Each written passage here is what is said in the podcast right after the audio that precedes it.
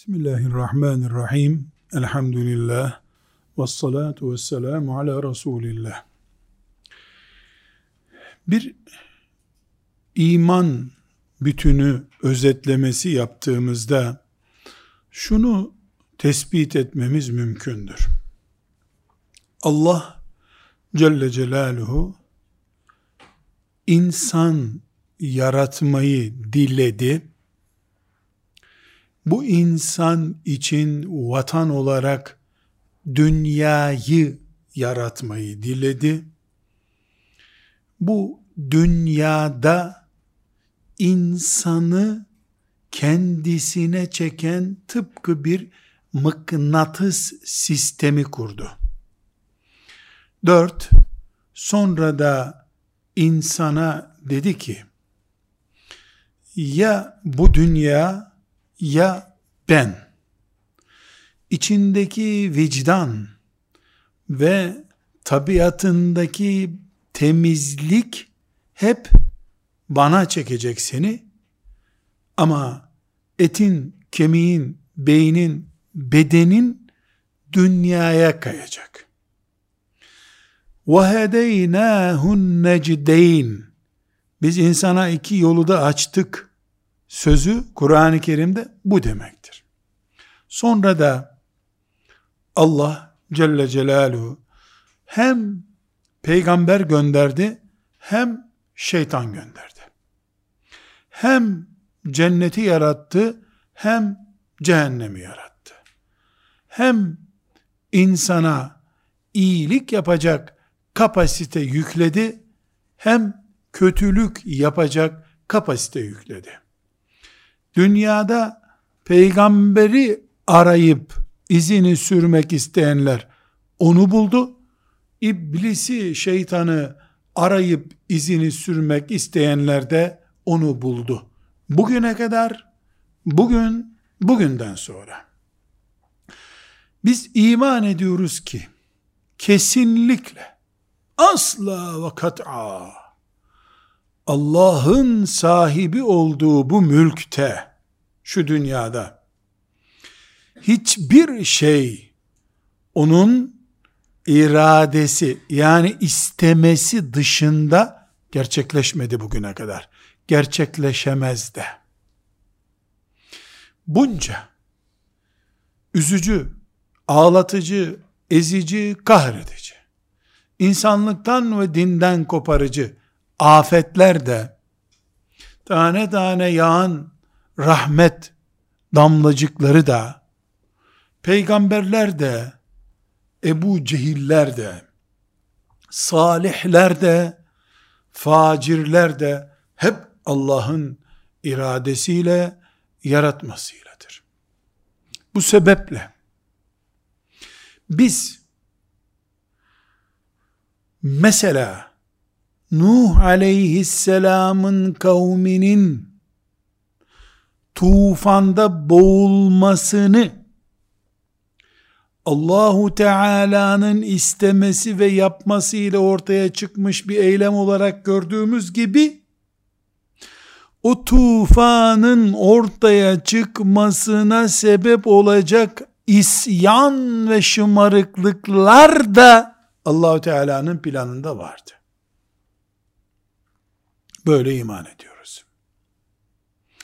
Haşa, haşa, şöyle değil. Allahu Teala bir peygamber gönderdi. Boğuştu, boğuştu, boğuştu peygamber. Bir türlü kötülüğün önünü alamadı. Yani küfür ve iblis projelerinde çok başarılı oldular.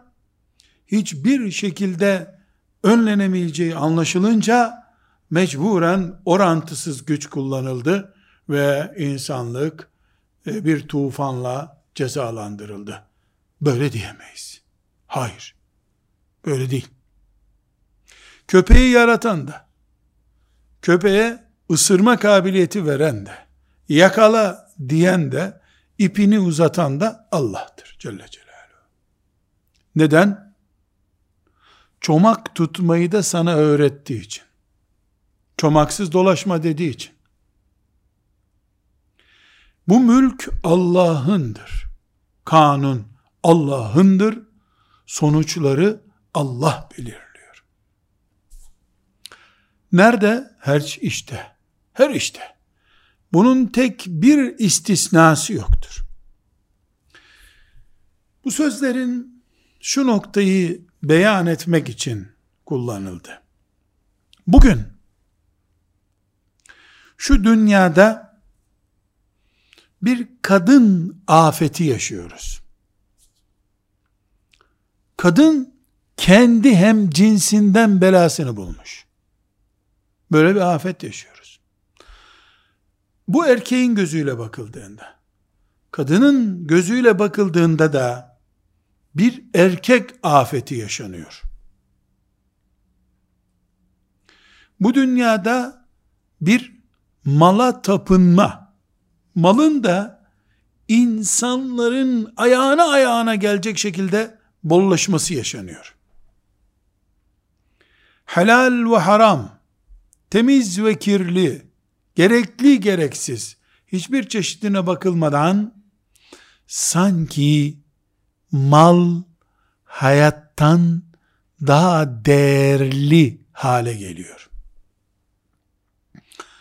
Bu malın getirdiği belalar, faiz başta olmak üzere, hırsızlık, gasp ve benzeri kirli kazanımlar, insanlığı kuşatmış durumda.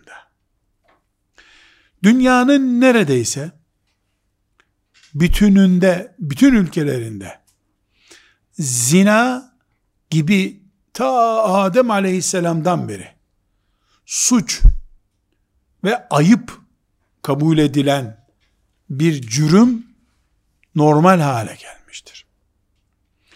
Bir İstanbul Sözleşmesi diye bir afet güya Avrupa ülkeleri arasında oluyor. Bunu Avrupalılardan önce Türkiye imzalıyor. Bu ne acayip bir iştir.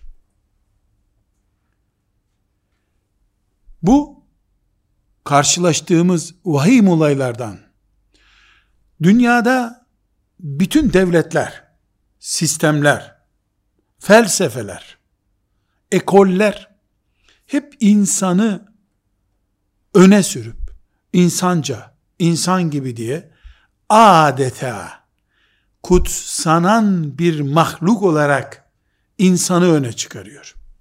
Mesela Amerika insan hakları merkezi, insan haklarını öne çıkaran bir yapının adı oluyor. Filan ülkede insan haklarına aykırı hareket yapılıyor diye oraya ambargo uyguluyor. Filan ülkede sizin kanunlarınız insan haklarına uygun değil diyor, seni cezalandıracağım diyor. Yani dışarıdan film izlese insan, Amerika olmasa insanlığın kökü kuruyacak zannediyor. Bugün son yüzyılda ölen insanların canını alan kimyasalından klasik silahlara kadar ölen insan canının neredeyse yarıdan fazlasını tek başına Amerika'da üretilen silahlar alıyor. Yani insanların humanizm diye tapınılan bir din, insana tapınan bir din, humanizm, icat ettikleri bir zamanda insanlığın yaşama garantisi bitmiş. Kimin, nerede, hangi kör kurşunla veya hangi hedefli kurşunla öleceği bilinemez hale gelmiş büyük bir insan katliamı var. İnsan katliamı ama. Bu savaşlarda şu kadar, trafik kazalarında bu kadar denecek düzeyde değil. İnsanın bir yandan etnik kırım yapan, işte filan ülke cezalandırılsın deniyor. Yani filan ırk e, zarar görüyor. Filan ırkın işte şu kadar insanı e, savaşta öldürüldü. Bu dünya suçudur. Birleştirilmiş milletler bunu kınıyor vesaire bir şeyler yapılıyor. Yahu insan ırkı yeryüzünden kaldırılıyor ya. İnsan ırkı kaldırılıyor. Bu ırklar 300-500 ırk var dünyada diyelim. Bunlardan bir tanesine karşı suç işlenince bu çok büyük bir savaş suçu kabul ediliyor. Bu yani orada işte 3000 kişi öldürülmüş. Ya günlük 3000 kişi Amerika zevki için öldürüyor. Coca-Cola satışları zarar görmesin diye Çin'in günlük öldürdüğü Uygur Müslümanlarına ses çıkarmıyor. Belki de prim veriyordur. Belki de adam başı bir kasa fazla kola veriyordur. Bugün insanlık ölüyor. Ahlak olarak ölüyor filan ayrı bir mesele. İnsan türü bitiriliyor. Kürtajla bitiriliyor. Aşılarla vesaireyle Allah bilir bitiriliyor. Savaşla bitiriliyor. Sürgünle bitiriliyor. İnsanın kökü kazınıyor bu dünyadan. Bu mevcut dünyada mesela yalan suç olmaktan çıkıyor. Doğru yaşamak, doğru konuşmak bir enayilik çeşidi haline gelmiş. Ahlakın çöktüğünü gösteriyor. Hain ve emin insanlar aynı oyu kullanıyorlar, aynı çanaktan yiyorlar, aynı vasıtaya biniyorlar. Emin insan olmakla hain insan olmak arasında bir fark yok. Bugün rüşvet helal gıda türleri arasına sokulmuştur. Evet, rüşvet geri kalmış ülkelerin suç dosyasında var gibi görülüyor. Ama incelendiğinde trafik polisine verilen rüşvetler baz alındığı için geri kalmış 3. dünya veya kalkınmakta olan ülkeler diye adlandırılan ülkelerin kara listesi olarak görülüyor. Öbür taraftan büyük koca ülkelerde koca rüşvetler olduğu için onlar istatistiklere bir türlü dahil olmuyor. Bugün Resulullah sallallahu aleyhi ve sellemin kıyamet alametidir diye buyurduğu işlerden birisi bir görevin ehil olmayana da verilebiliyor olması boyutudur. Peygamber sallallahu aleyhi ve sellemin gözünde kıyameti fitilini çektirerek kopartacak bir suç, işin görevin ehil olmayan birine verilmesi, ama bugün Müslümanlar imza atarak bir adamı işe alacakları zaman bu hadisi kitaplardan kaldırıyorlar. Yok gibi kabul ediyorlar. Bunu ben sadece bir yere vali tayin edilirken ki siyasi menfaatleri kollaması dünyanın en iyi idarecisi olmasından daha önemlidir boyutuyla görmüyorum. Bir camiye imam tayin edilen, müezzin tayin edilen birisinin hala tashihi hurufta hataları bulunmasını da okuma yazma bilmeyen birisinin büyük bir vilayete mesela İstanbul'a vali tayin edilmesi gibi hıyanet görüyorum. Peygamberim öyle görüyor çünkü sallallahu aleyhi ve sellem. Bir ton bile gelmeyecek.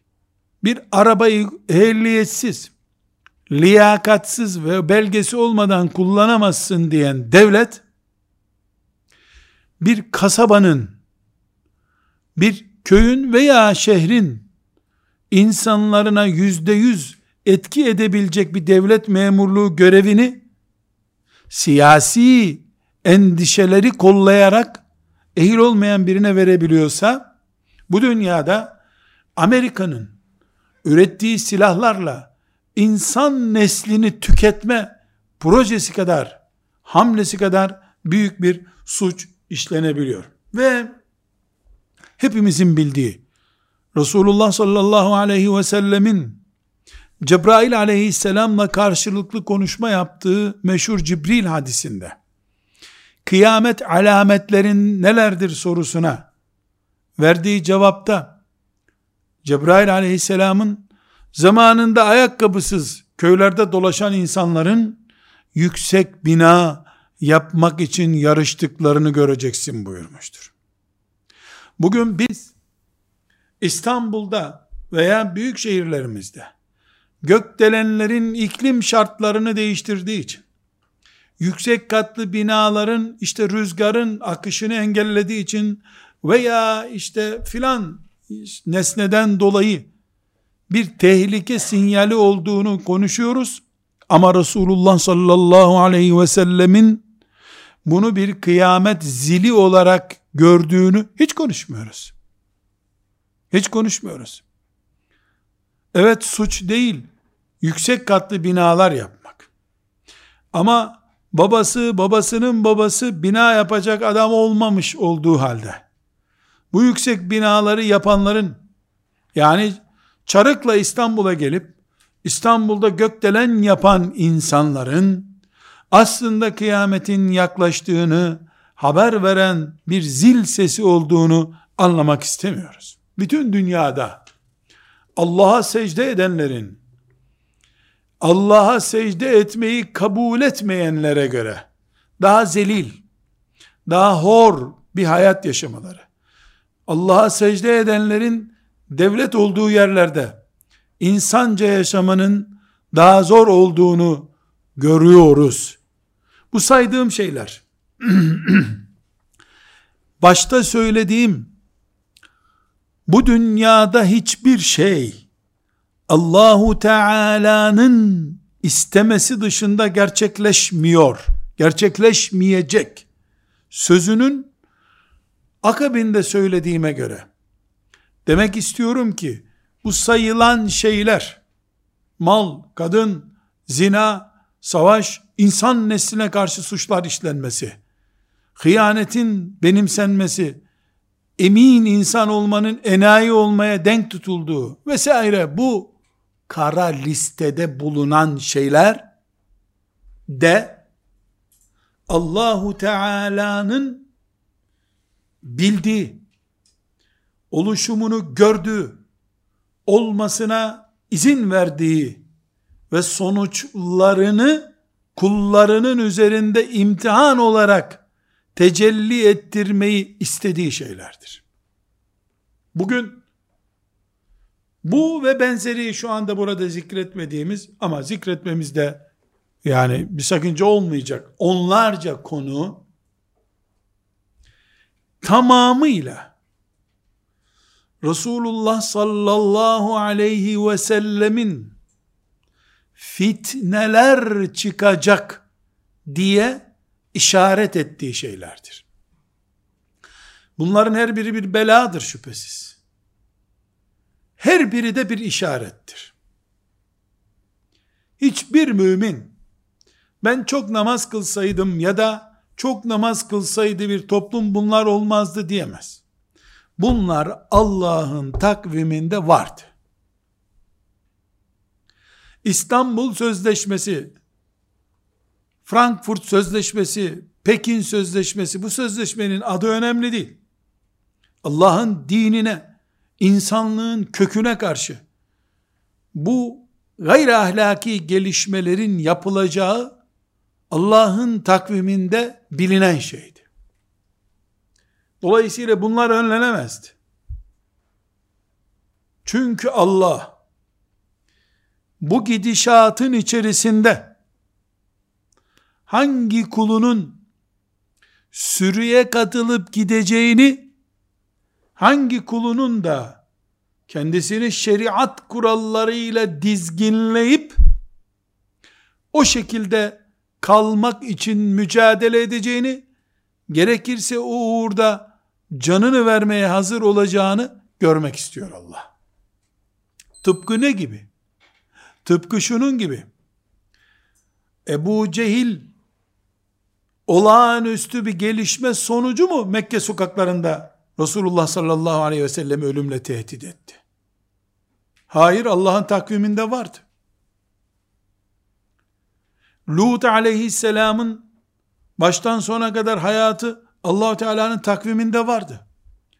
Salih aleyhisselamın buzağını keseceğini insanların onu helak edeceğini, toplumun bu yüzden helak olacağını bilmiyor muydu allah Teala? E o zaten murad etti. Ama ne yaptı Allah? Salih aleyhisselamın yanında olanlarla sürüye katılıp şu veya bu menfaatlerini kollayarak, malını kollayarak, toplum içindeki forsunu kollayarak, kendisini ayakta tutmak isteyenleri ayırdı allah Teala. Ebu Leheb'in, Ebu Cehil'in ve emsallerinin, Übey ibn Halef'in ne gücü olabilirdi Allah'a karşı? Ama Allah bilerek bir Ebu Leheb var etmek istedi. Übey ibn Halef var etmek istedi.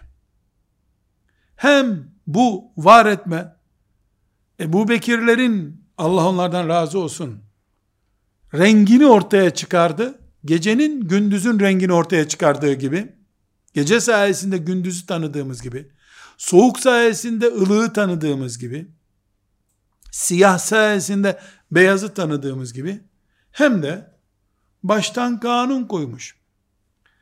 Cennet ve cehennem dolacak. Bu da insanla dolacak.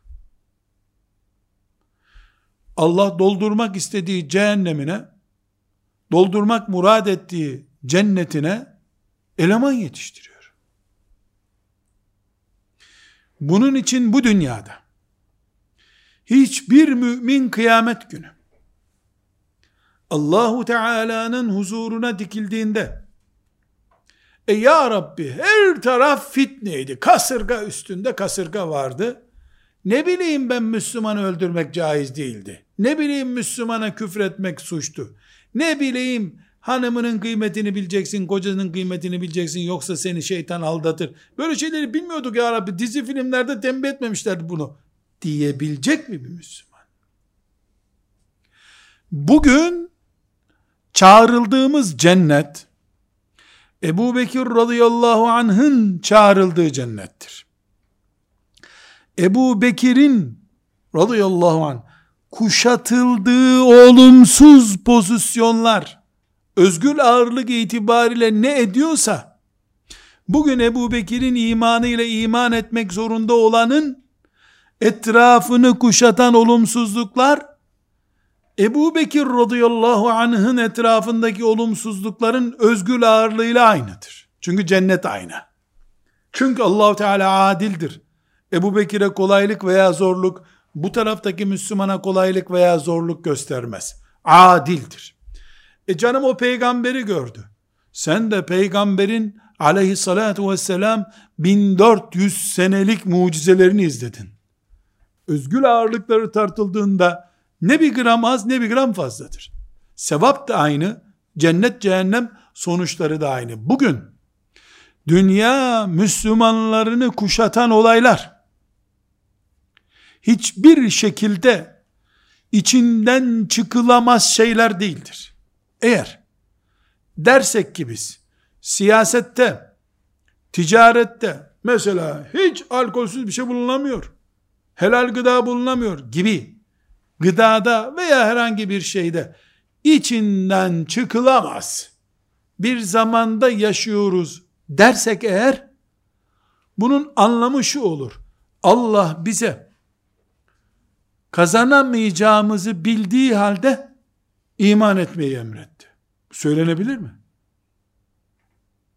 Zinadan kurtulmak mümkün olmadığı halde zina etmeyeceksiniz dedi. Söylenebilir mi bu? Biraz düşündüğü zaman mümin bunu tefekkür bile edemez.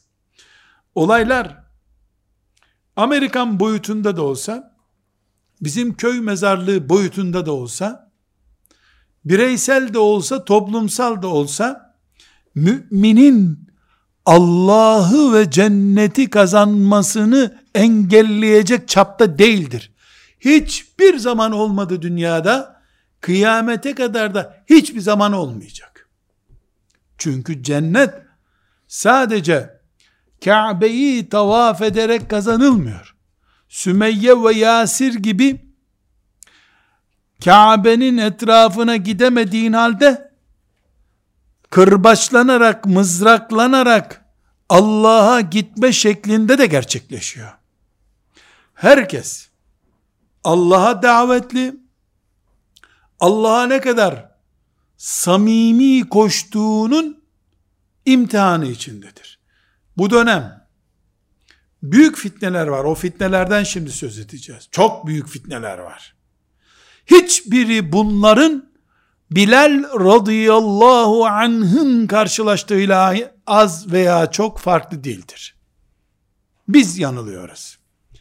Gözümüz uzaktan veya yakından baktığı için farklı görüyor. Yanına gelince öyle bir şey olmadığı ortaya çıkıyor.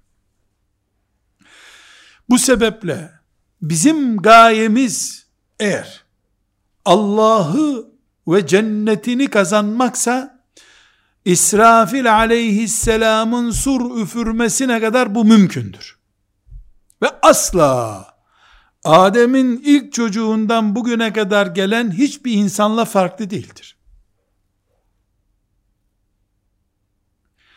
Nuh aleyhisselamın ümmeti içinde bu kural geçerliydi.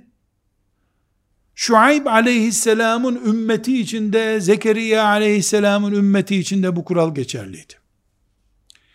Bugün insanlar Kur'an-ı Kerim'de matematik hatası var. Dizgi hatası var. Peygamber sallallahu aleyhi ve sellemin hadisi şeriflerinde anlam hatası var diyorlar. Onları uluslararası güçler kandırdı. Zekeriya aleyhisselam Meryem annemizi Allahu Teala'nın himaye ettiğini, bir mucize olarak gönderdiğini, onun çocuğuna iman edilmesi gerektiğini tembih ettiğinde insanlara Mossad mı, YouTube'daki filmler mi, internetten mi aldandı Yahudiler de Meryem annemiz sebebiyle küfre girip ebedi cehennemlik oldular? O zaman Mossad var mıydı? O zaman da mı uluslararası güçler ahlaksızlığı yayıyordu? Onların girdiği cehennemle bugün Kur'an'a ve şeriata karşı çıkanların gireceği cehennem aynı. İman aynı çünkü. Burada biz Müslüman olarak şunu haykırmak zorundayız. Allah'ı ve cenneti arıyorsan, yeryüzünde nefes alınabildiği sürece bu mümkündür. Ama Allah'ı ve cennetini nazlanarak arıyorsan, hiçbir insana Allah bunu vermedi bugüne kadar. Nazlanmak yok. Şımarıklık yok. Hiçbirimiz evin şımarık çocuğu olma hakkına sahip değiliz. Evin sadık çocuğu, vefakar çocuğu olmak zorundayız. Yahudiler, Zekeriya aleyhisselam onları ikaz ederken, evin şımarık çocuğu olmak istediler. Bu Meryem nereden getirdi bunu dediler. Madem peygamber olduğuna inanıyorsunuz Zekeriya'nın, bu iffetlidir, Allah'ın teminatı altındadır sözüne niye inanmadınız? Niye inanmadılar? Çünkü şımardılar. Evet iman ehliydiler. Ama şımararak, onlara göre dizayn edilmiş bir dinle cennete girmek istediler.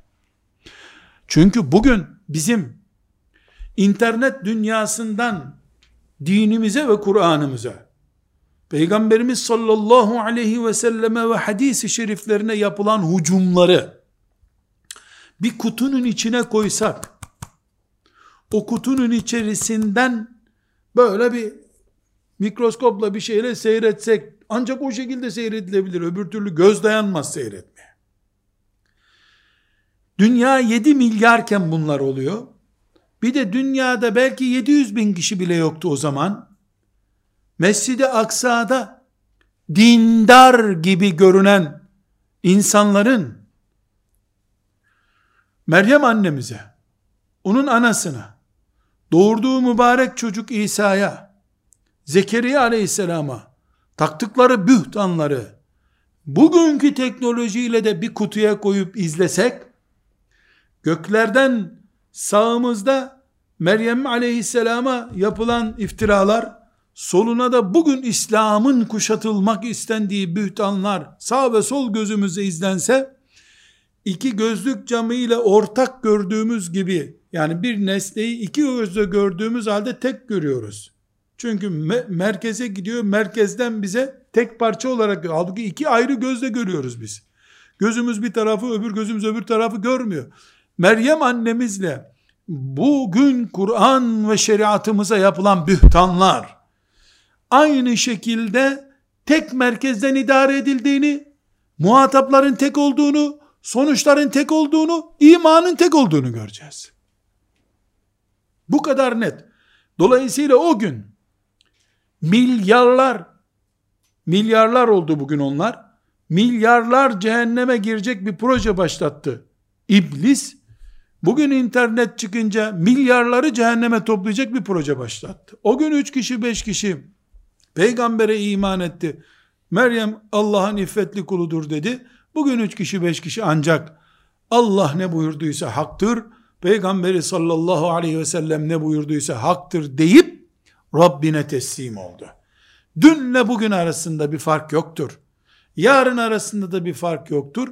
Yani bugün insanlar teknoloji kullanıyor ama elleriyle iyi biçiyorlar gene. Dün de el kullanıyorlardı. Teknoloji elin yerine yeni bir sistem üretmedi. Üretemez de. İnsan aynı insan. İman aynı iman. Yani kışın ağaçlar bir çeşit dal oluyor. Yazın baharda başka oluyor. Sonbaharda başka oluyor gibi. Renk değişimi gösteriyor dünya.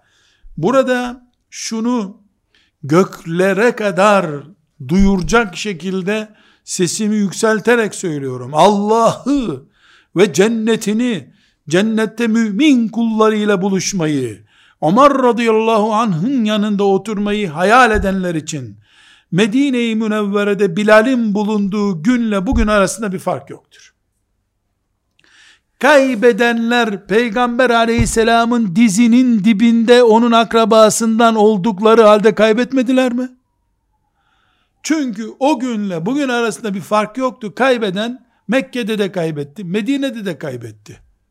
Habeşistan'da ki peygamberi görmeyen adam hiç görmeden Mekke'den bin kilometre mesafede belki gördü. Necaşi iman etti, Ebu Talip edemedi. Mesele peygambere zaman ve mekan olmak o açısından yakınlık meselesi değildir. Mesele senin ne aradığın ve nerede durduğun meselesidir.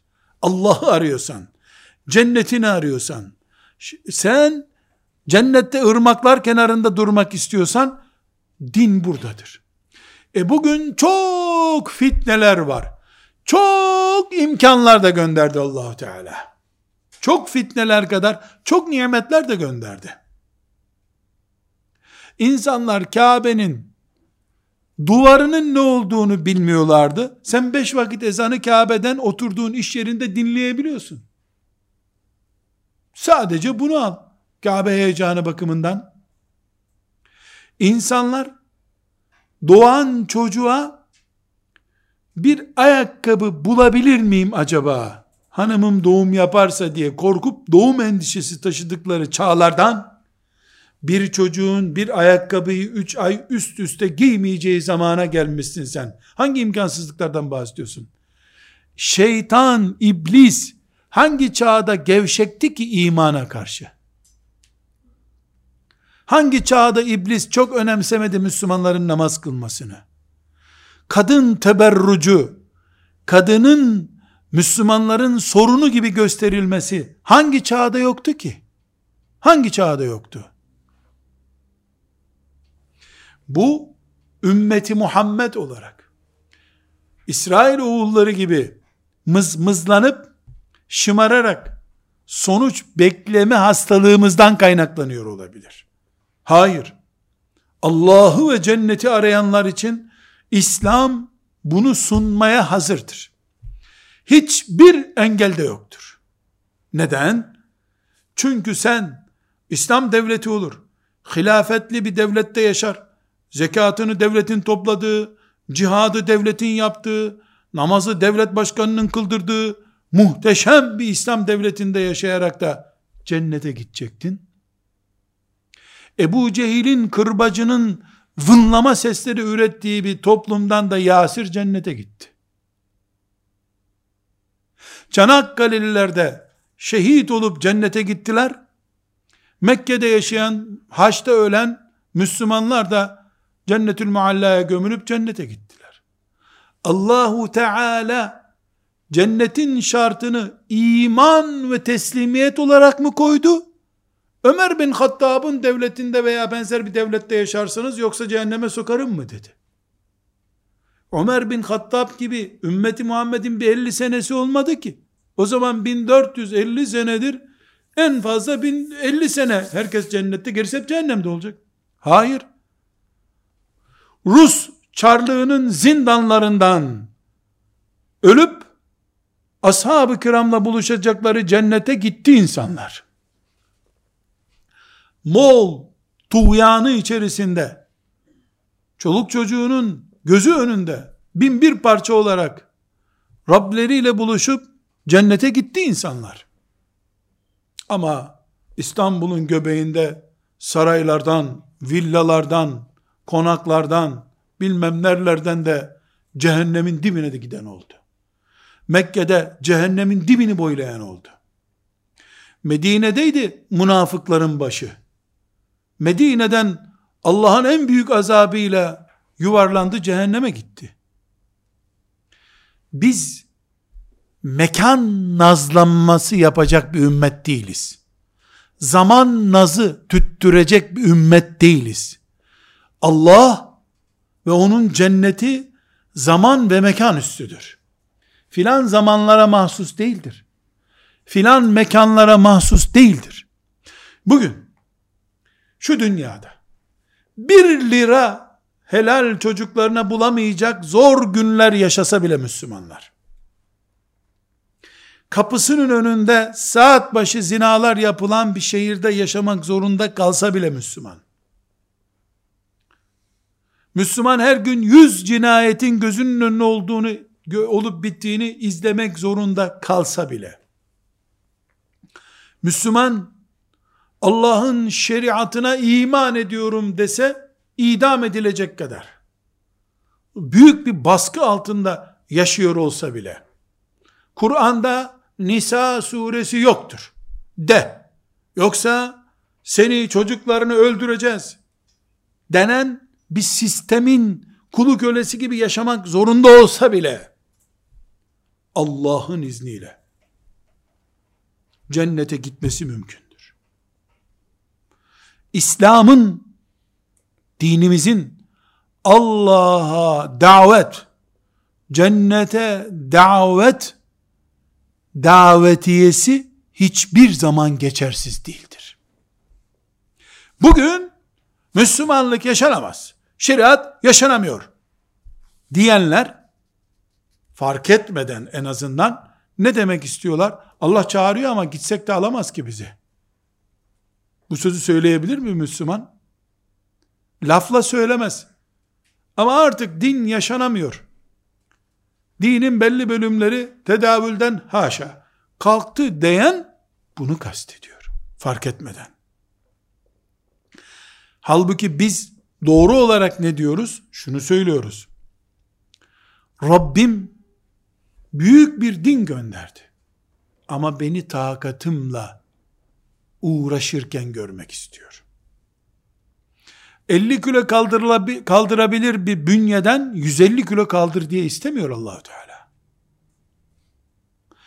Benim imanım mükemmelse, yüzde yüz Rabbime teslim isem, beni günlük hayatımda izleyen melekler de şizofrenik bir adam olmadığımı, yani böyle istiyorum ama keyfime göre de yaşıyorum. Camide buna amin diyorum. Gidip bankada faize eyvallah diyorum. Böyle değilsem meleklerin kayıtları arasında şizofrenik bir adam değilsem ben sabah namazına bugün kalkamamış olsam bile bugün ben haram olan bir şeyin içine batmış olsam bile Allah'ın cennetine davet benim için de geçerlidir. Ben de davetliyim. Çünkü İslam bütün olaylara, fitnelere, belalara, musibetlere karşı zamanların üstünde, mekanların üstündedir. Bugün batı zulmünün, Yahudi hegemonyasının veya çok yüzeysel anlamda internet ablukasının, medya ablukasının, iş dünyasının ezici üstünlüğünün İslamiyeti insanlarla buluşturmaya engel göreceğimiz bir çerçevede ele alamayız. Evet afetler var, belalar var, büyük belalar var. Bunlar bir Allah'ın iradesi dışında şeyler değil. Tam aksine Allah'ın olmasını istediği şeylerdir. Niye bu zamanda bunlar bu kadar büyüdü? Çünkü nimetler büyüdü. Nimetler büyüdü. E kardeşim İstanbul'da oturuyorsun. Almanya'dan bir Müslüman sana ben Kur'an öğrenmek için geldim diyor. Aranızda 3-4 bin kilometre yol var. Bir cihaz üzerinden oku bakayım diyorsun. Euzu billahi mineşşeytanirracim diyorsun. Euzu diyor. Olmaz. Euzu denmez. Euzu diyeceksin. Ya euzu, euzu, euzu, euzu, euzu, euzu oluyor. Anadolu'da Çorum'un bir köyünde harf inkılabı diye yapılmış afetten sonra oturup bir ağacın altında çocuklara Euzu Besmele öğreten hoca efendi bu kadar nimete sahip miydi Allah için ya? Harf inkılabı denen devrim yapıldığı zaman hangi köyde bir hoca efendi çocuklara on defa euzu değil oğlum euzu euzu de euzu de diyebildi mi ya? Üçüncüsünde köy muhtarı duyacak, jandarmaya haber verecek. Nasıl bağırıyorsun? E şimdi hoca efendi oturuyor. İstanbul'dan Kore'deki Müslümana Kur'an öğretiyor. Hem de bu onun sesi bitmeden daha e'udhu'daki z harfi çıkmadan karşıdan okuyor. Olmadı diyor. Demek ki bir saniye geçmiyor arada. Bu kadar nimetin olduğunu görmeyip sadece internet berbat bir şey. İnternetten resimler geliyor, aileler dağılıyor, kadınlar kocalarını kötülükte yakalıyor demek bir mazeret çeşidi mi? Kimi kandıracağız biz? Melekler sadece kötülüklere mi bakıyor? Biz arştan seyredildiğimizde nimetlerimiz ve belalarımızla seyrediliyoruz. Sadece belaları ileri sürmek mızmızlıktır. Bu da ümmete seviye düşürür sadece nimetleri görmekte hiç bela yokmuş gibi de akılsızlıktır. Bu da ümmete yön değiştirtir. Hayat böyle geldi, böyle gidiyor. Bize nimetlerin de yağdığı, belaların da yağdığı bir dönem rastladı. Bu dönemde Allah'ın lütfuyla oturacağız, gayret edeceğiz, Rabbimizin rızasını kazanacağız. Tekrar özetliyorum. Resulullah sallallahu aleyhi ve sellemin hadisi şeriflerinde bugün bela olarak gördüğümüz şeyler bu dersin devamında inşallah göreceğiz. Tek tek kalem kalem sayılmıştır. Bir yabancı olayla karşılaşmadık biz. Asla ve kat'a bu kadar bela olacak ondan sonra oturun ağlayın ne yapalım sizin nasibiniz yokmuş demedi sallallahu aleyhi ve sellem. Tam aksine ne dedi? ashabının gözüne baka baka ya onlardan bir kişi sizin 50 kişi kadar iş yapıyor olabilir buyurdu. Neden? E, oturduğu yerden Kore'deki Müslümana Kur'an öğretme imkanı olacak ya. Müslüman çocuğunu kendisi hacca gitmiş cep telefonuyla sabah namazına kaldırabilecek ya. Öbür türlü Müslüman köyde tarlaya gittiğinde çocukları namaza kaldırmayı beceremiyordu. Tarla uzaktaydı. Yani nimetler de çok, belalar da çok, işaretler de çok anlayan için. Ve sallallahu ve sellem ala seyyidina Muhammedin ve ala alihi ve sahbihi ecma'in velhamdülillahi rabbil alemin.